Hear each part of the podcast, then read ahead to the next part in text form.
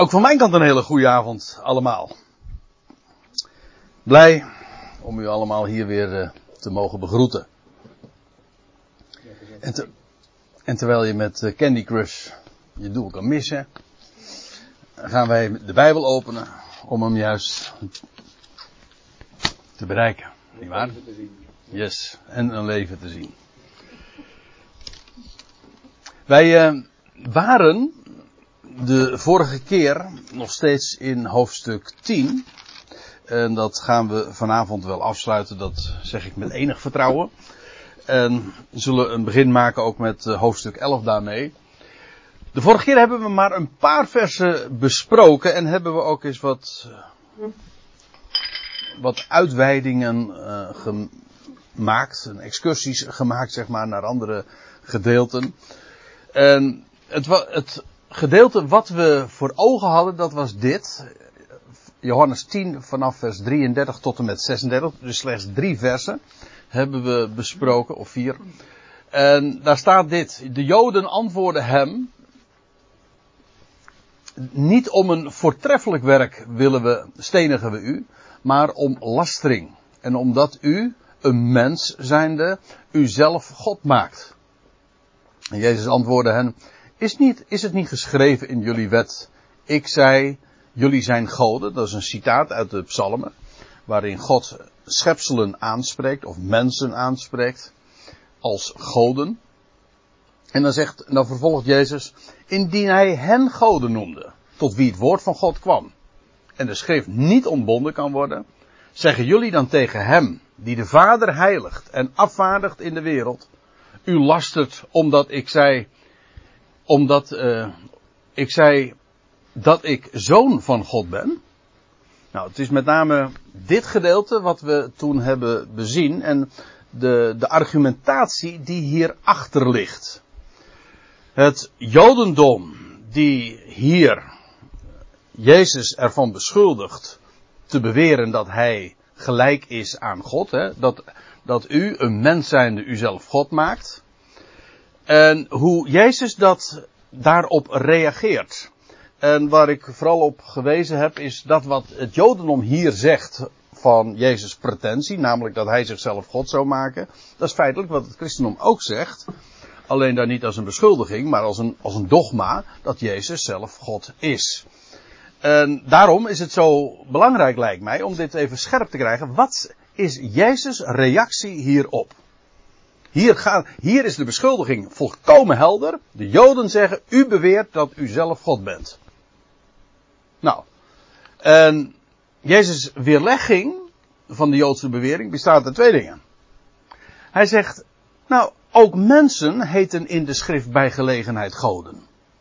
Dus Jezus antwoord zegt van, nou, dat is op zich helemaal niet zo gek hoor. Dat schepselen goden genoemd worden. In de psalmen lees je dat en we hebben trouwens heel wat meer passages de vorige keer ook gezien. Waarbij we uh, zagen dat, dat inderdaad en in de hemel en op aarde wezens God genoemd worden. Met een kleine letter, want natuurlijk is het waar, voor ons nogthans is er maar één God, de Vader. Maar in relatieve zin zijn er vele andere goden koningen, rechters heten ook bij gelegenheid goden. En de reden daarvoor is dat het woordje God betekent eigenlijk in het Hebreeuws, als je het, eh, de afleiding van het woord beziet, betekent het een onderschikker. Iemand die dus de dingen onder zich plaatst. Die, en vanuit het Grieks is het theos en dat betekent het plaatsen.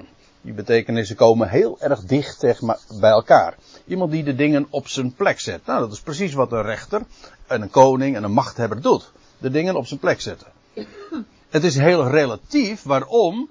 Omdat die wezens zelf ook weer op hun plek gezet worden. Het zijn er zelf ook maar schepselen. Maar in de functie die ze uitoefenen, zijn ze inderdaad, ik zeg het iedere keer erbij, tussen aanhalingstekens, ik doe het eventjes voor degene die het mp3'tje beluisteren, hè, bij wijze van spreken, zijn zij God. Zo kun je ze noemen.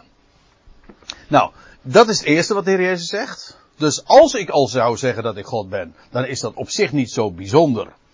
Want zo heten schepselen in de Bijbel wel vaker. Maar zijn tweede punt is, hoe kunnen jullie mij nu van lastering beschuldigen? Eh, zeggen jullie dan tegen hem, vers 36, die de Vader heiligt en afvaardigt in de wereld, u lastert omdat ik zei dat ik zoon van God ben. Dus God noemt enerzijds mensen, schepselen, goden, maar dat was helemaal niet wat de Heer Jezus claimde te zijn. Hij claimde de zoon van God te zijn. Hoe kunnen jullie dan zeggen dat ik God laster? Waarmee dus, waaruit volgt dat de Heer Jezus sowieso afstand neemt van hun bewering, namelijk dat hij, dat hij zou claimen, een aanspraak zou maken op God te zijn. Als Jezus inderdaad die aanspraak zou hebben gemaakt, had hij dat hier moeten zeggen. Hij zegt inderdaad, ik ben God. Dat is geen lastering, want ik ben het. Maar dat zegt hij juist niet.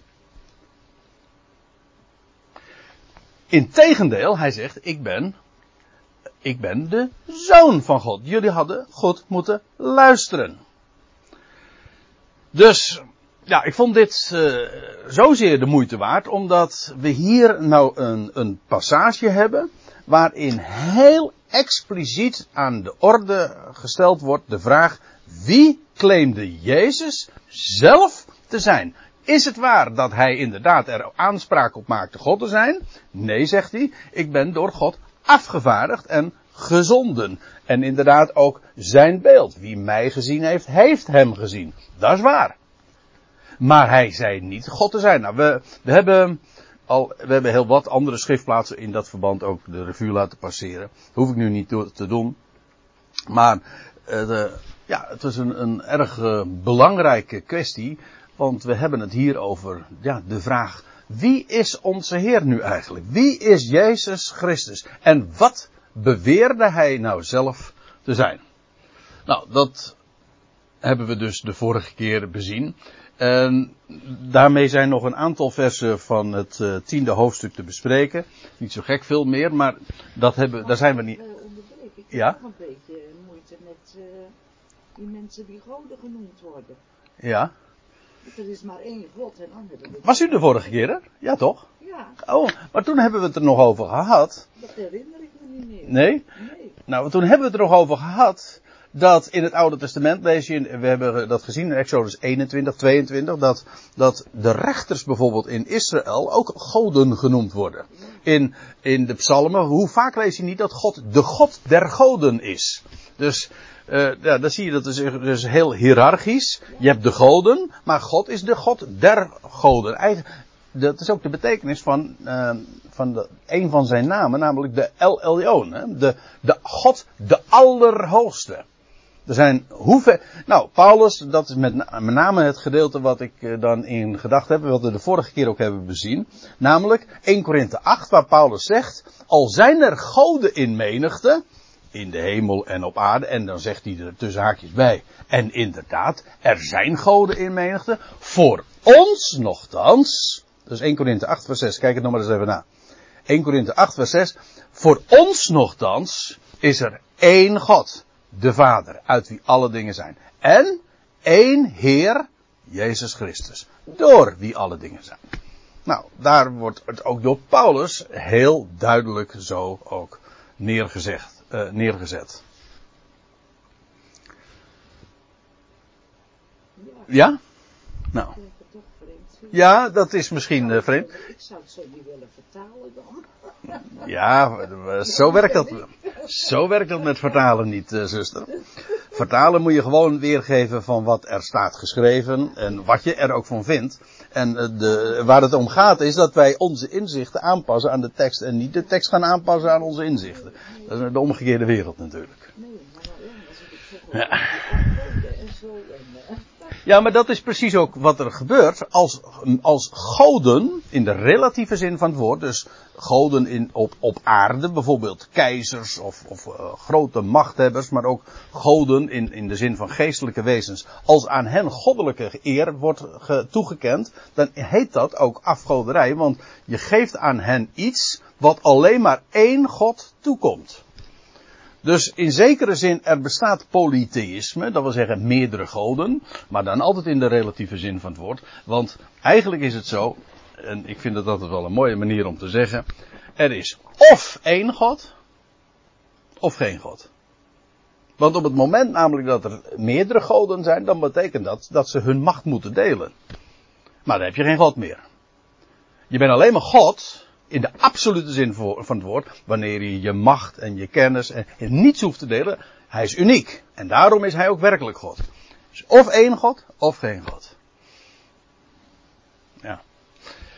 Goed. Even terug naar de tekst. Vers 37. Want daar gaan we dan vervolgens mee verder. Indien ik de werken van mijn vader doe, geloof mij niet. Met andere woorden, de Heer Jezus die. Wat zei ik dan? Indien ik, ik de werken van mijn vader niet doe. Oh, oh, neem me niet kwalijk. Indien ik de werken van mijn vader niet doe, geloof mij niet. Wat de Heer Jezus zegt, uh, dat zijn geloofwaardigheid, uh, die ontleent hij uh, niet aan zichzelf. Ook hier zie je trouwens weer dat hij duidelijk zegt: ja, ik, de Vader vaardigt mij af. Hij zendt mij. En de autoriteit die ik heb, dit is de autoriteit van hem die mij gezonden heeft. Hij zegt, maar je hoeft mij niet te geloven. Hij zegt, ik lees even verder. Maar indien ik ze doe, en indien jullie mij niet zouden geloven, mij niet zouden geloven, geloof dan de werken. Dus dat wil, dat wil zeggen, um, het gaat, het, gaat, het gaat hier niet om mijzelf. Hij zegt, maar geloof dan toch in elk geval datgene wat ik doe. Ook hier, Jezus, wijst Jezus niet op zichzelf, maar op zijn vader die hem heeft gezonden. En zijn werken, wel, die getuigen daarvan en bewijzen die ook.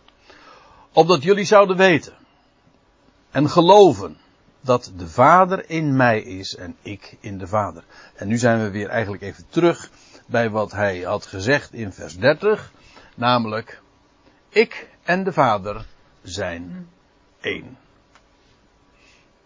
En ik heb expres eventjes dat, dat beeld, dat beeltenis van een munt ook genoemd als, ik heb dat trouwens de vorige keer ook er nog even op gewezen, of die keer daarvoor. Eh, zoals de Bijbel zegt, de Heer Jezus is op diverse plaatsen, hij is het icoon van God. Eh, zoals je een icoon ook op een, op een muntstuk hebt. Zoals de, de keizer of de koning staat afgebeeld op een muntstuk. En dan zeg je, dat is de keizer. Dat is de koning. Ja, maar het is een beeld. Het is dus met recht beeldspraak. In die zin kun je ook zeggen, Jezus is God. Het is namelijk beeldspraak. Zoals je dit hiervan kan zeggen, dat is de koning. En dat is één. Maar je moet het niet verwarren natuurlijk. Dat lijkt mij. Uh, je moet wel weten wanneer het beeldspraak is en wanneer het echt is. En zij, nou, zo gaat het weer verder. En zij, vers 39, en ze zochten hem dan weer te pakken, maar hij ontging vanuit hun hand. Nou, dat is iets wat we inmiddels al heel wat keren gelezen hebben in het Johannes Evangelie. Iedere keer ook als illustratie van het gegeven dat de Heer Jezus um, iedere keer ook zegt, uh, mijn uur is nog niet gekomen. En pas op dat moment, wel, dan, dan zullen ze mij ook inderdaad met succes uh, pakken, maar daarvoor niet. In, uh, in ditzelfde hoofdstuk, in vers 18 hadden we gelezen, niemand neemt haar van mijn ziel, van mij af, maar ik stel haar uit mijzelf. Ik heb volmacht haar te stellen en volmacht haar weer te ontvangen. En dit voorschrift ontving ik van mijn vader.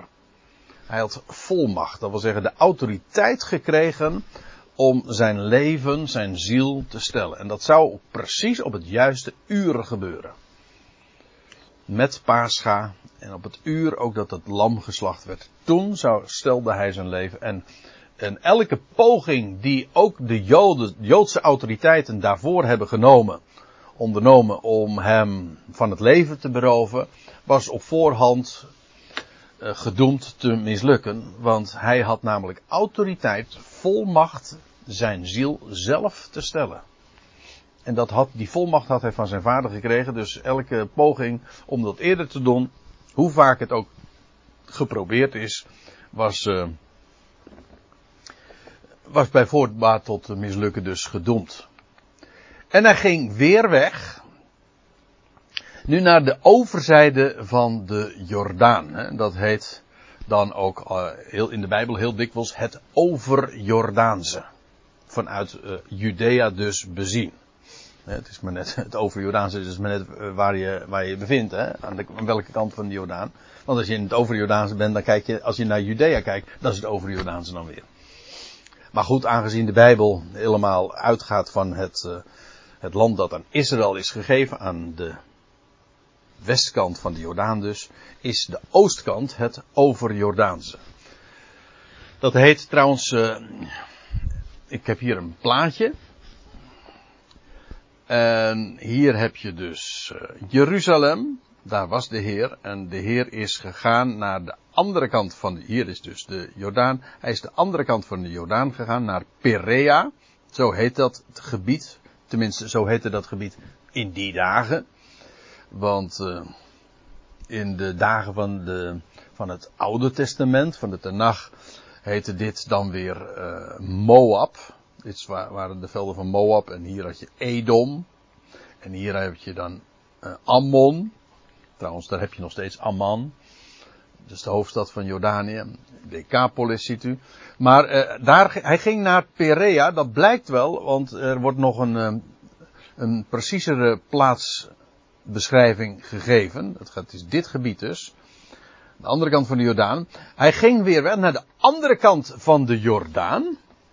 Naar de plaats waar Johannes eerst dopende was. En we weten dat was in Betanië. Uh, Johannes 1 vers 28, lees je dat? En ik moet er trouwens even bij zeggen, dat is even verwarrend, maar juist in dit gedeelte is het, uh, voor degene die de, de, de kaart niet kennen, zou dat verwarrend kunnen zijn, omdat je twee Betaniërs hebt. Je hebt namelijk het Betanië hier, um, dat moet hier ergens geweest zijn. Uh, even vlak boven de Dode Zee. Waar jo Johannes dus ooit doopte. En je hebt Betanië aan de andere kant van de Olijfberg. En wie woonde daar? Daar kwam de Heer Jezus heel vaak. Daar overnachtte hij dikwijls. Want uh, daar woonden zijn vrienden.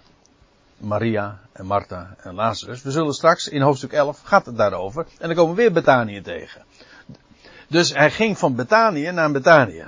Maar dat, ik kom straks nog eventjes erop terug. Vanwege de, de betekenis van die naam dan weer. Want ook de typologie daarachter. Maar je moet wel even goed in de gaten houden. Als, dus, trouwens, ik moet erbij zeggen. Eh, de plaatsnaam wordt hier niet genoemd. Wordt verborgen, zeg maar, gehouden. Uh, maar als je in hoofdstuk 1 vers 28 leest, nou ja, ik kan het wel eventjes, ik kan het wel even voorlezen. Johannes 1 vers 28, daar staat letterlijk, uh, als Johannes uh, dan gesproken heeft, die na mij komt, wiens schoenriem ik niet waardig ben los te maken. En dan staat er in vers 28, dit geschiedde te Betanië, over de Jordaan, waar Johannes doopte. Dat wil zeggen, waar die eerst dopende was. Want later lees je in hoofdstuk 3 vers 23, vertrok hij en ging hij wat noordelijker naar bij Enon, bij Salim. Dus, dit is trouwens uh, nog iets uh, bijzonders, want het heeft er ook mee te maken dat de Jordaan sowieso al is een type van de dood. En als je de Jordaan doortrekt, ja, is daarmee ook eigenlijk een beeld van, van door de dood heen gaan. En daarmee feitelijk dus ook van dood en opstanding. En het, trouwens, het loutere feit dat Johannes in de Jordaan doopte, spreekt daar natuurlijk net zo goed van. Want dat is ook in de Jordaan in ondergaan en dan vervolgens daaruit de Jordaan weer opkomen. Dat is wat, wat dopen is. En dat is dus ook een beeld van dood, begraven eventueel en opstanding. Van nieuw leven. En de Heer Jezus vertrekt hier dus naar de, hij gaat hier, hij gaat hier naar de andere kant van de Jordaan. In type is dat een beeld van zijn verblijf in onze dagen. Dat wil zeggen, hij is de opgestane uit de dood. Hij is, hij is afgewezen, ja, want dat is mooi hè. Moet je kijken. Hij is afgewezen in Jeruzalem. Vervolgens gaat hij door de Jordaan, een beeld van dood en opstanding. En dan komt hij vervolgens buiten het Joodse land terecht. Buiten Judea. En dat is precies waar de Heer nu ook verblijf had. Namelijk onder de natie, buiten het Joodse land, verworpen door de stad van de grote koning. En daar is hij dus niet. Maar het is mooi dat het eh, in verband gebracht wordt met, uh, ja, en met de Jordaan. Maar ook met het feit dat Johannes daar eerst opende was. En dan staat er in vers 41, en velen kwamen naar hem toe. En ze zeiden, Johannes inderdaad deed geen enkel teken. Dat klopt. Want hoeveel we ook weten in het, vanuit het, de evangelie van Johannes de Doper. Hij heeft heel wat gesproken met wat hij deed. Ik bedoel, hij was bekend om wat hij deed. Namelijk dopen. De doper. Vandaar, dat, dat was zijn bijnaam. De doper. En hij sprak. Maar wat, maar uh, hij werd geacht een profeet te zijn. Zo, werd hij, zo wordt hij ook in het uh, Nieuwe Testament verschillende keren genoemd. Maar hij heeft geen enkel wonderteken gedaan. Hij deed geen enkel teken, wordt hier terecht gezegd. Maar alles wat Johannes zei omtrent hem, dat was waar. Matthäus 21, vers 26 lees je dat ook. De scharen, eh, zij hielden hem allen, zij hielden Johannes allemaal voor een profeet. Een man die de, gods, de woorden Gods sprak. En ja, dat was trouwens ook een, een probleem van de, voor de Joodse autoriteiten. Want ja, Johannes die getuigde altijd van zijn neef. En nou ja, we hebben dat in dit evangelie ook gezien, van, uh, dat het niet ging om hemzelf, maar hij was slechts een wegbereider. En hij wees altijd naar degene uh, ja, die na hem zou komen. En waarvan hij zelf zegt, ja, ik doop in water, maar die, die na mij komt, ja, die dat is de echte doper. Die doopt niet in water, maar in dat waar water een beeld van is, namelijk van, van geest. Hij zal dopen in geest. En dat, dat is de echte doop. De echte christelijke doop is dus geen water in, doop in water, maar de doop in geest. En ja, Johannes heeft daarop gewezen altijd. En we hebben dat ook gelezen, hè, dat hij dan die volgende dag, dat, dat, dat lees je dan ook in Johannes 1, dat hij zegt van zie het lam gods, dat de zonde der wereld wegneemt. En toen heeft hij ook daadwerkelijk gewoon echt fysiek op hem gewezen. Hij is het. En het is bij die gelegenheid dat de publieke bediening van Jezus ook aanvangt. Want toen kwam ook die stem uit de hemel van deze is mijn zoon. En ja, dat was problematisch voor de Joodse autoriteiten, want Johannes, die werd alom geacht een profeet te zijn, maar als die Johannes dus inderdaad gelijk had, goed, hij is al in, in een vroeg stadium, is die, uh, als ik het even zo mag zeggen, omgelegd door eh, Herodes, koning Herodes, maar hij werd voor een profeet geacht. Ja, dat betekende dus eigenlijk dat het volk ook niet anders kon dan erop, uh, dan te aanvaarden dat Jezus inderdaad degene was die Johannes uh, ook zei de, dat hij was. En ze wisten alles wat, hij, wat, wat, Johannes zei, dat, dat, dat, was, dat was inderdaad waar. En dan lees je nog bij, en velen daar geloofden in hem.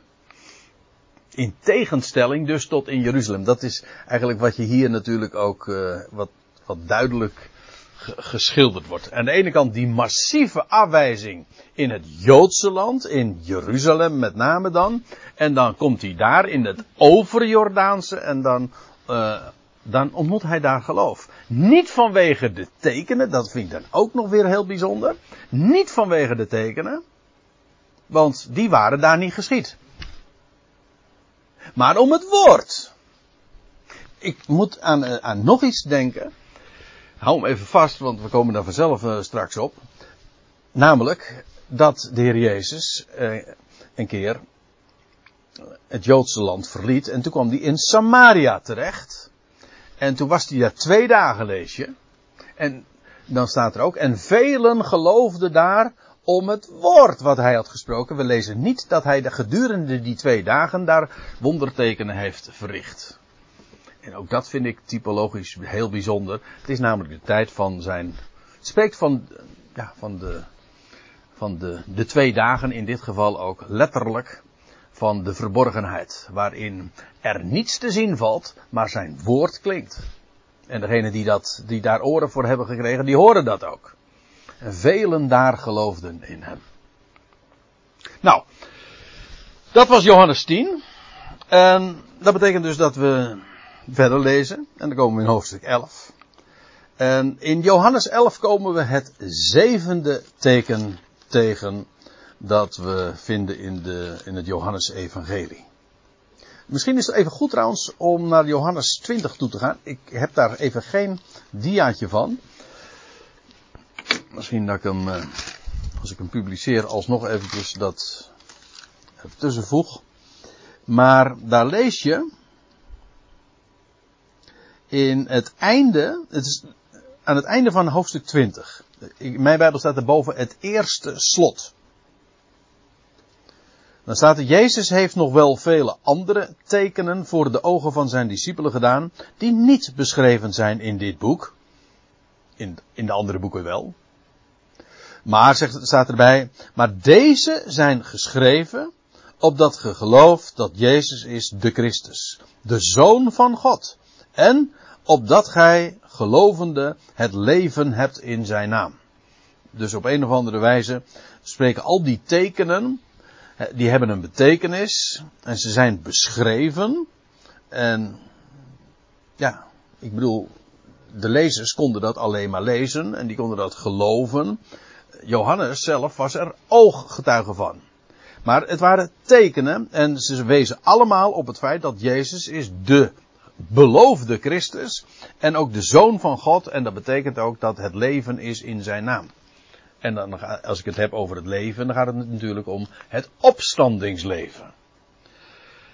En die, de zeven wondertekenen die in dit uh, evangelie beschreven worden. Eigenlijk hoofdstuk, even voor de goede orde. Hoofdstuk 21 is een, een appendix. Dat blijkt ook wel. Je hebt een eerste slot en je hebt een tweede slot. Het is een soort van een aanhangsel. Een, um, ja, zo heet dat toch? Een appendix. Een, is nog een ander. Hè? Een? Ja, dat is ook een appendix, ja. En ook een aanhangsel. Ja. Ja, maar het heeft nog een naam, geloof ik. Een appendix. Een? Ja, nou, ik, ik zat meer aan een deftige naam. Maar goed, uh, waarom zouden we deftig doen, hè? ja, ja, het is, nou, het is een. Uh, want je zou kunnen, kunnen verdedigen dat hoofdstuk 21 ook nog een wonderteken bevat. Namelijk die wonderbare visvangst van die 153 vissen. Weet je wel, die grote vissen. Maar goed, dat is dan een, uh, ja, ook een, een toevoeging. Buiten de orde.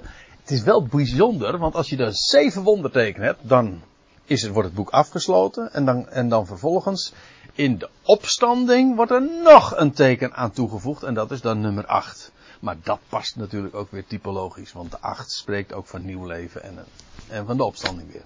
Dus het klopt uh, linksom of rechtsom altijd. Uh, het loutere feit trouwens dat het uh, in eerste instantie gewoon tot het eerste slot zeven tekenen zijn. Ja, dat is natuurlijk ook een, een volheid. Johannes is heel kieskeurig in de, in de tekenen die hij beschrijft. Want de andere evangelieën zijn daar veel uitgebreider in. Maar dit zijn allemaal hele bijzondere tekenen, omdat het ook typen zijn, stuk voor stuk.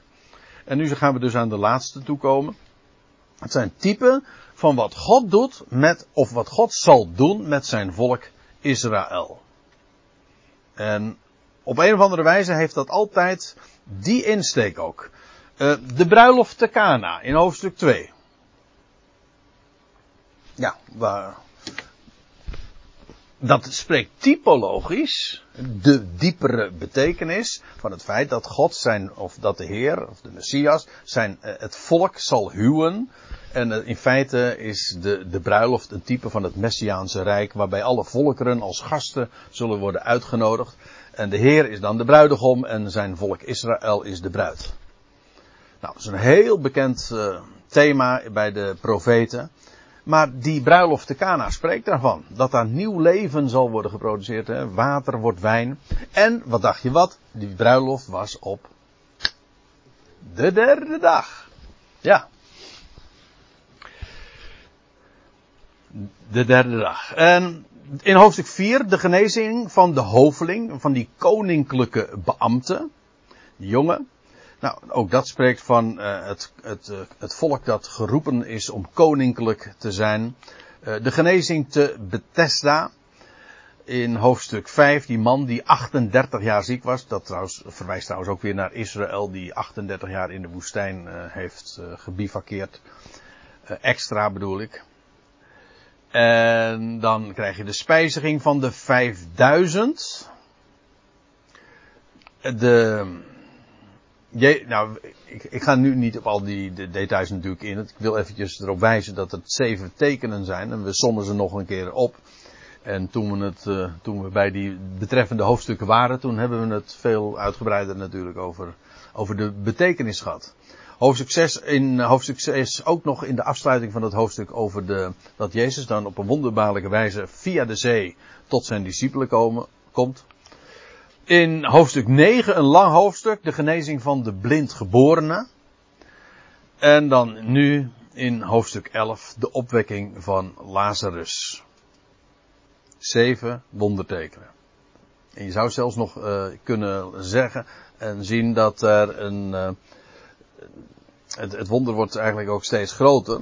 En in ieder geval het gebrek uh, dat uh, iedere keer aan het licht treedt en dat de aanleiding is voor het wonder, voor het teken, dat, uh, ja, dat wordt steeds, hoe zeg je dat, steeds sterker. als, je, als we inderdaad dus zien dat in al die tekenen het, het gaat om Israël dat zal worden hersteld, Iedere keer wordt uh, het volk in een, uh, in, een, in een nog tragischer licht bezien. Dat wil zeggen, het gebrek wordt steeds groter. Hier is het nog, bijvoorbeeld bij de bruiloft van Cana, is er, nog, is er gebrek aan vreugde. Hè? Uh, gesymboliseerd in de wijn. er is gebrek, bij de genezing van Bethesda, er is gebrek aan kracht. er is gebrek aan rust. Hè? Die, de, de discipelen die, en vrede, die zo bang zijn als ze dan Jezus zien komen. Er is gebrek aan zicht bij de blindgeborene. En uh, bij de opwekking van Lazarus, nou dan is het duidelijk uh, wat er, hoe fundamenteel dan het gebrek is. Dan is er gebrek aan leven. Nou, erger kan het niet. Hè?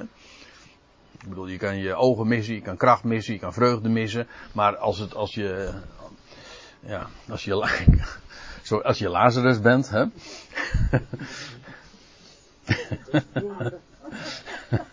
ja. Dan, dan gaat het echt niet goed met je.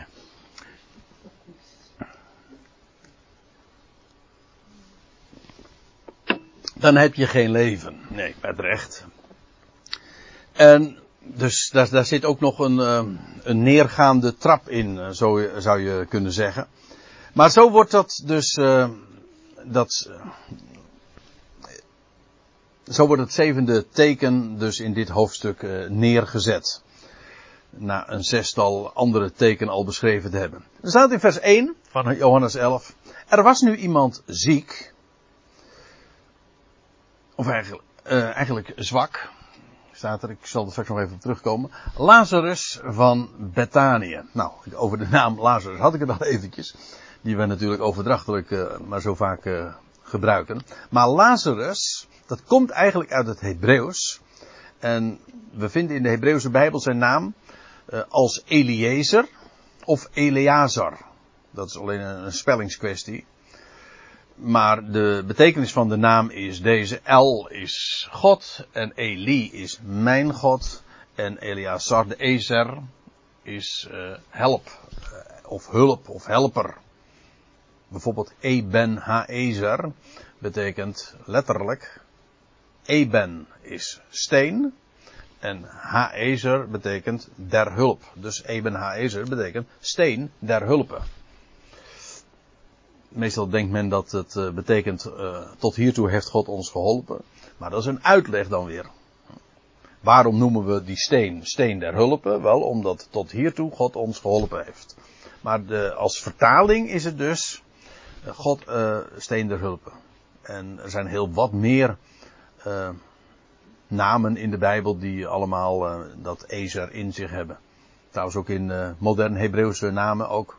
Dus, zie je dat ook heel vaak. Die die dat woord tegen, terugkomen. Eliezer, de eerste keer dat we hem tegenkomen, dat is de knecht van Abraham. U weet wel, die man uit Damascus, de Damaskener. Dat was het hoofd van het personeel van, van, uh, van, van Abraham. En het, ook de zoon van Mozes heette zo. De ene zoon heette Gersom en de andere heette Eliezer.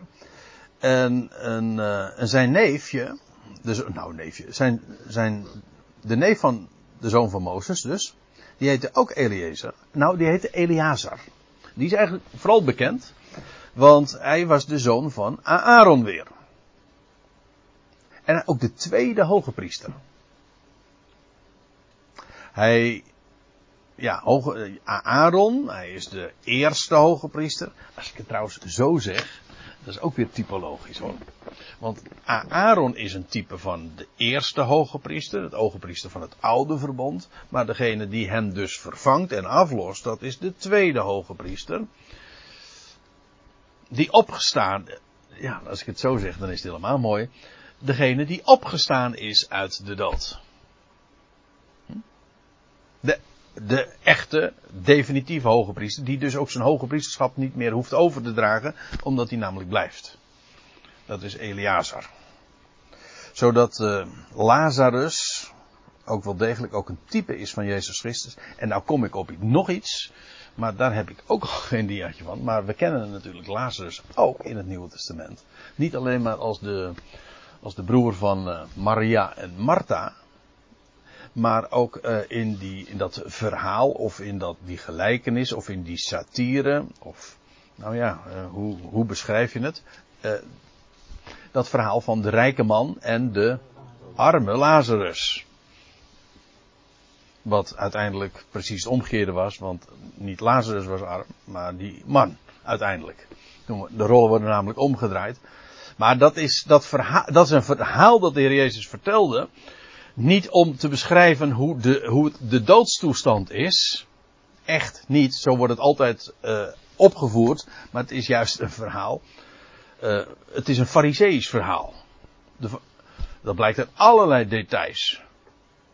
Als je gewoon de wet en al alleen maar de wet en de profeten zou hebben, dat wil zeggen gewoon het Oude Testament, en je vraagt van ja, wat is dood? Nou ja, dan zegt een Hebreeër, nou ja, dat is. Uh, de doden weten niets, hè? En de doden loven God niet. De doden die wachten in het graf en ze slapen. Dat is, gewoon het Bijbelse beeld. En, die, dat, en het leuke is in dat verhaal zelf. Wordt daar ook een hint naar gegeven. Het verhaal, als je de schrift kent. De wet en de profeten. Dan weet je ook dat het verhaal dat Jezus vertelde. satire is. Wat, wat zij, uh, ik ga er even gemakshalve vanuit dat we allemaal die gelijkenis kennen. Maar wat zei Lazarus uh, aan het einde, in dat gesprek dan, wat hij dan heeft met, uh, met de rijke man, hè, met die kloof en zo. Uh, als er dan gevraagd wordt, ja, laat, laat, laat Lazarus dan opstaan. Hè? En dan zegt, nee, dat hoeft helemaal niet. Want het is ook helemaal niet nodig, want ze hebben, dat is wat Lazarus dan zegt. Nee, oh, wacht even, dat zegt Abraham. Uh, ze, hebben, ze hebben de wet en de profeten. Laten ze daarnaar luisteren. Maar als ze daarnaar zouden luisteren, zouden ze ook weten wat het karakter is van het hele verhaal wat Jezus vertelt. Het hele idee dat de Heer Jezus zou vertellen van dat je na het sterven zonder opstanding, dat je dan uh, in zo'n toestand komt met een kloof en dat je dan toch wel, dat er onderlinge communicatie is en dat één druppeltje al genoeg zou zijn om, om verlichting te krijgen en al dat soort uh, gedachten. Dat is gewoon bizar. Je zou het ook onderkennen als je de wet en de profeten zou hebben, maar het is eigenaardig hoe men de wet en de profeten, gewoon alles wat de Hebreeuwse Bijbel zegt over de doodstoestand, terzijde schuift. En alles baseert aan dat ene verhaal.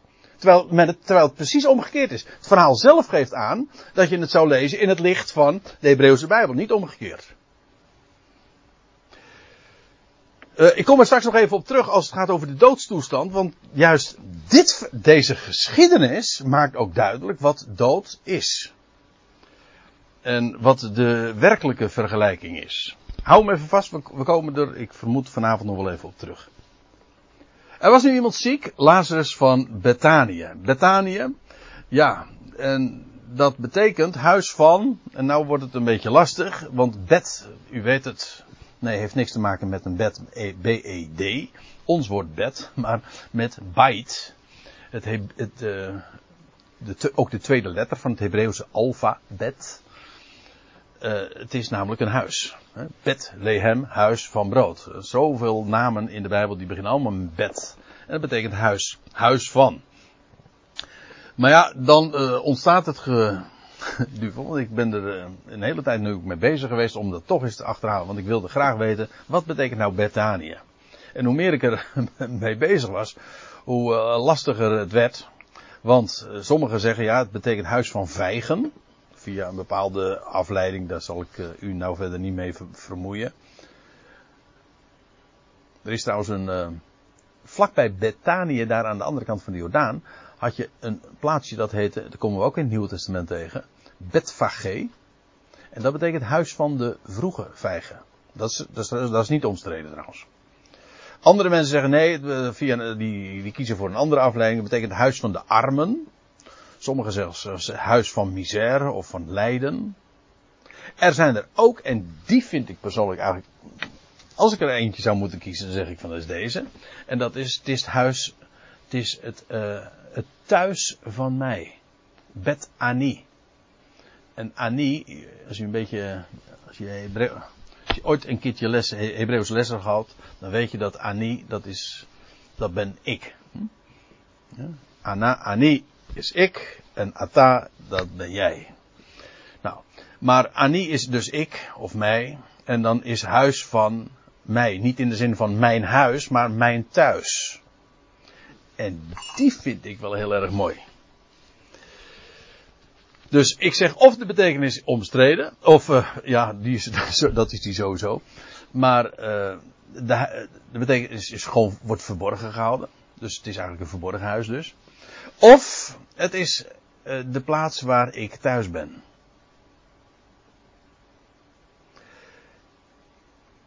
En waar was, waar was de Heer Jezus? Hij ging naar de andere kant van de Jordaan, dat hadden we net gezien. Hè?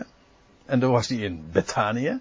De naam wordt dan niet genoemd, wordt verborgen gehouden, maar hij is daar kennelijk wel thuis. Maar hij, hij gaat weer terug naar het andere Bethanië, waar hij nodig was. En ook daar was hij thuis. Maar goed, u ziet, ik heb hier vraagtekens, dus ik maak geen definitieve keuze, maar ik, uh, mijn persoonlijke voorkeur, en ik geef het door voor wat het waard is, gaat naar die laatste optie. Dan namelijk dat het het huis is van, waar ik, waar ik thuis ben. Ja. Uh, dat even wat die plaatsnaam uh, betreft. Overigens, ik, uh, ik zei het zojuist al, Bethanië ligt aan de andere kant van de Olijfberg. Ik bedoel, als je vanuit Jeruzalem dan ga je naar de Olijfberg toe. En als je daar overheen bent gegaan, dan kom je in, een plaats, in het plaatsje Bethanië dus terecht. de, de, volgende keer zullen we nog wel even op terugkomen, want er wordt nog een nadere beschrijving van deze, van Bethanië gegeven later in dit hoofdstuk. En dan zullen we ook wel zien dat het ook de plaats was waar, waar, de, waar de Heer ten hemel voer. Er zit nog veel, uh, er zit meer uh, typologie nog achter. Maar ik kom daarop terug. Uh, nu even, er was iemand zwak, Lazarus van Betanië, uit het dorp van Maria en van Martha. De zus van haar dus. En ja, we kennen deze, dit tweetal dames, vooral van de geschiedenis uit Lucas 10. Er zijn er zijn nogal Maria's en Martha's, dat is net zoiets als Jan en Piet en Kees en Klaas in uh, vroegere Nederland, zeg maar. Ja, dat veel voorkomende namen. Maar in Lucas 10 lees je ook inderdaad deze beide zusters, waar de Heer Jezus dan te gast is. En dat, u weet het, hè. Martha was altijd, was druk met dienenden. En Maria was, uh, was gezeten aan Jezus' voeten. En luisterde naar zijn woord en zij had het goede deel gekozen. Dat tweetal. En hier wordt nog iets trouwens over Maria gezegd, want er staat hierbij, Maria nu was het die de Heer insmeerde met zalfolie. Ja, gezalfd had met olie, maar dat is niet het woord wat hier gebezigd wordt, het is eigenlijk meer insmeren. En, namelijk zijn voeten. Hè? En die zijn voeten afdroogde met haar haren. Ik moet er trouwens bij zeggen, die geschiedenis waar hier aan gerefereerd wordt, dat is uh, een geschiedenis die we nog moeten lezen, want dat is namelijk Johannes 12.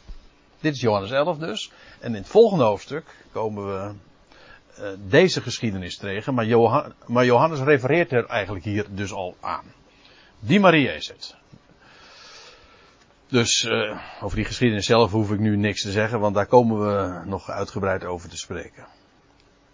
Het wordt hier eventjes als, uh, als identificatie neergezet. Dat wil zeggen, dan weet je over welke Maria we het hebben. Nou, de broer van haar, of en de broer van hen dus, was zwak. Ik, uh, dat is namelijk de wijze waarop het eigenlijk genoemd wordt. Letterlijk is dit Griekse woord, betekent zoiets als niet, niet stevig, onvoldoende kracht dus. En het idee bij, het wordt vrijwel altijd vertaald. Het wordt soms ook inderdaad vertaald met zwak in het Nieuwe Testament. In de MBG-vertaling bedoel ik. Maar meestal gewoon met ziek. Maar ik vind dat eigenlijk wel grappig. Nou ja, grappig. Uh, wel frappant. Want wat het eigenlijk aangeeft is dat ziekte wordt gedefinieerd als een gebrek aan kracht. En eigenlijk is dat ook precies wat ziekte is, toch? Je hebt uh, onvoldoende. Nou, ik moet een beetje uitkijken, want we hebben een huisarts hier in ons midden. Uh, dus ik wil niet buiten mijn boekje treden. Maar dat is, ik, vond, ik, ik vind het een mooie definitie. Het ligt, je hebt onvoldoende kracht om, uh, om te herstellen. Normaal heeft het lichaam uh, die, het vermogen, de kracht. En de kracht is stanende in een mens en dat is wat je ziek maakt. Uiteindelijk zelfs waardoor je overlijdt. Hè. Dat is een gebrek aan levenskracht. Ja, dus dat wat dat woord zwak betreft. Dus letterlijk staat er, de broer van haar was zwak, maar iemand die ziek is, is ook zwak. Uh, wij, noemen het wat uh, anders. En ik. Maar dit is een, uh, zomaar iets wat ik opgooi. U weet, ik, ik, ben, ik heb altijd een grote etymologische interesse. Ik ben altijd erg geïnteresseerd in de afleiding van een woord. Het zou me niet verbazen, maar ik zeg het helemaal, ik heb het niet nagezocht, dat het woordje ziek en zwak etymologisch ook aan elkaar verwant zijn. Maar, dat zoek ik nog eens een keer op. De broer van haar was dus zwak. Uh, zijn zusters stuurden dan naar hem, naar Jezus, uh, een bericht is hier de gedachte, zeggende, Heer, weet van wie u veel houdt. Hier wordt niet het woordje uh, agape gebruikt, maar filio, en dat is dus, ja, houden van. Hè. Namelijk in de zin van, ja, filio, iets waar je een liefhebber van bent. Ja, in het Nederlands is het heel lastig om dat soort onderscheidingen te maken, maar het, dat ligt in de sfeer van sympathie. Hij, hij was, het was een vriend uh, van hem. Heer van wie u veel houdt is zwak. Uh, feitelijk is dit uh, geen vraag natuurlijk. Het is gewoon een mededeling. Maar er zit natuurlijk, klinkt wel een oproep in door om, om terug te keren naar Judea. Naar het gevaarlijke Judea. En met een beroep op van ja, van wie u veel houdt, is, bevindt zich in deze toestand. Jezus nu hoorde het en hij zei, deze zwakheid is niet tot de dood. Of letterlijk, uh, ja, pros thanaton, dat is letterlijk naar de dood toe.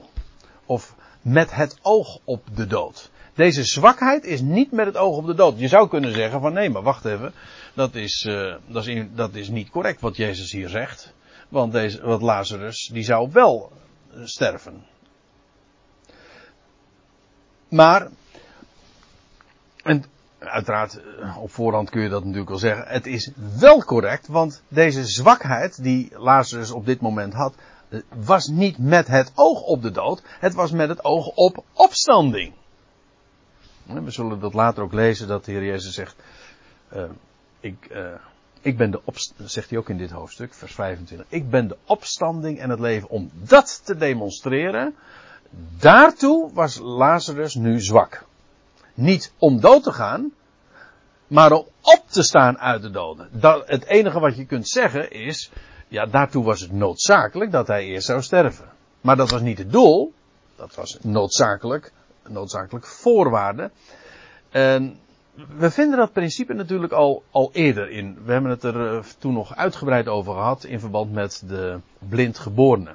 Dus de heer Jezus zegt, deze zwakheid is niet met het oog op de dood, maar ten behoeve van de heerlijkheid van God. Precies wat we lazen van de blindgeborene, als, ze dan, als de discipelen dan op die man wijzen en dan zeggen ze van, wie heeft er gezondigd? Deze of zijn ouders? En dan zegt de Heer Jezus, nog deze, nog deze, uh, of zijn ouders. Dat is niet de reden van, zijn, zijn het, van het feit dat hij blind is. Maar de werken Gods moesten in hem openbaar worden. En we hebben er toen ook uh, bij stilgestaan dat deze man, die, toen, die blindgeborene, die was, die werd niet genezen. Omdat hij blind was. Nee, het was eigenlijk omgekeerd. Hij was blind opdat hij genezen zou worden. Opdat hij ziende gemaakt zou worden. En dat is hier van, van, van Lazarus ook het geval. Waarom was hij ziek? Nee, nou laat ik het anders zeggen. Lazarus werd niet opgewekt omdat hij dood was, maar hij stierf opdat hij opgewekt zou worden. En opdat God, op de, opdat God door zijn zoon zou bewijzen dat hij de opstanding en het leven is.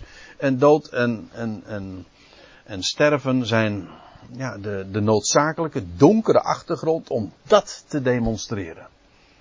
Maar het is opdat de werken van God, de heerlijkheid van God, daarin naar voren gebracht zou worden. En, en dat ligt, dat loopt volkomen parallel, dus ten behoeve van de heerlijkheid van God, opdat de zoon van God, of de zoon van de God, beide met een bepaald lidwoord, de zoon van de God, erdoor verheerlijkt zal worden. Dus het is met het oog op de, de heerlijkheid van God, maar ook opdat de zoon van God erdoor verheerlijkt zal worden. En de zoon van God juist in de heerlijkheid die de Zoon van God demonstreert, openbaart hij de heerlijkheid van God. Ik wil u op een, uh, een schriftplaats wijzen die, uh, die zelden in dat licht bezien wordt. Namelijk Romeinen 1 vers 4. Dat heeft ook te maken met uh, de, de gangbare vertaling. Maar ik, ik wil even naar Romeinen 1 vers 4 toe gaan. En daar lees je dit over de Heer Jezus. Paulus schrijft hier dus. En dan heeft hij het over naar het vlees, de zoon van David. En dan zegt hij, maar hij wordt bepaald zoon van God te zijn in kracht. Dat wil zeggen, uh, of hij in de MBG-vertaling zegt, hij heeft bewezen de zoon van God te zijn in kracht naar geest van heiligheid. En dan staat erbij, vanuit opstanding van doden, Jezus Christus onze Heer. En nou gaat het me even om deze uitdrukking, of om deze frase. Hij is zoon van God. Of hij is bepaald of bewezen te zijn de zoon van God in kracht. Hoe? Wel, vanuit opstanding van doden. Meestal wordt dat zo opgevat, en u ziet het ook in de NBG-vertaling, in de Statenvertaling net zo. Uh, vanuit opstanding, nee, oh, wacht even, dan wordt er, men vertaalt dit, door zijn opstanding uit de doden is hij uh, bepaald de zoon van God te zijn in kracht. Dat staat er niet. Het gaat niet over de, de opstanding van de Heer Jezus. Het, gaat, het staat niet uh, door zijn opstanding uit de doden, maar het is door opstanding van doden is hij bepaald zoon van God te zijn in kracht. Heb je hem? door opstanding van doden, en dat betekent, moet je heel letterlijk nemen, dat betekent door doden te doen opstaan, is hij bewezen, of bepaald, Gods zoon te zijn in kracht. Dus het feit dat hij doden opwekte, of deed opstaan, opstanding van doden, werd hij bepaald, bewezen, demonstreerde hij de zoon van God te zijn. En hier wordt dus in feite gerefereerd aan de, aan de diverse momenten van opstanding, waarvan je in het Nieuwe Testament, in de Evangelie leest. Er zijn, we, we weten van een drietal geschiedenissen dat de Heer Jezus een dode heeft opgewekt. En die stuk voor stuk bewezen dat hij de zoon van God is. In kracht. De eerste, de eerste is de, het dochtertje van Jairus. Dat twaalfjarige meisje. De tweede is de jongeling van Nain. En dan de derde is Lazarus. Dit is trouwens is een opmerkelijk verschil, want het, is, het wordt steeds frappanter. Hè? Want dat dochtertje van Jairus was zojuist overleden. En Jezus wekte hem op. Of haar op, sorry. De jongeling van Nain, die werd ten graven gedragen. En, en tijdens de begrafenis vindt dan dat wonder plaats. Hier, in Johannes 11, is inmiddels, eh, als Jezus dan ter plaatse komt, is Lazarus inmiddels al vier dagen terug, eerder, begraven. En uh, men weigert aanvankelijk zelfs uh, de steen weg te nemen, want er was al een lijklucht staat er. Dus je moet het ook eventjes zien in het kader van, uh, van de, ja, het klimaat in die dagen, of nou ja, en het klimaat in het Midden-Oosten.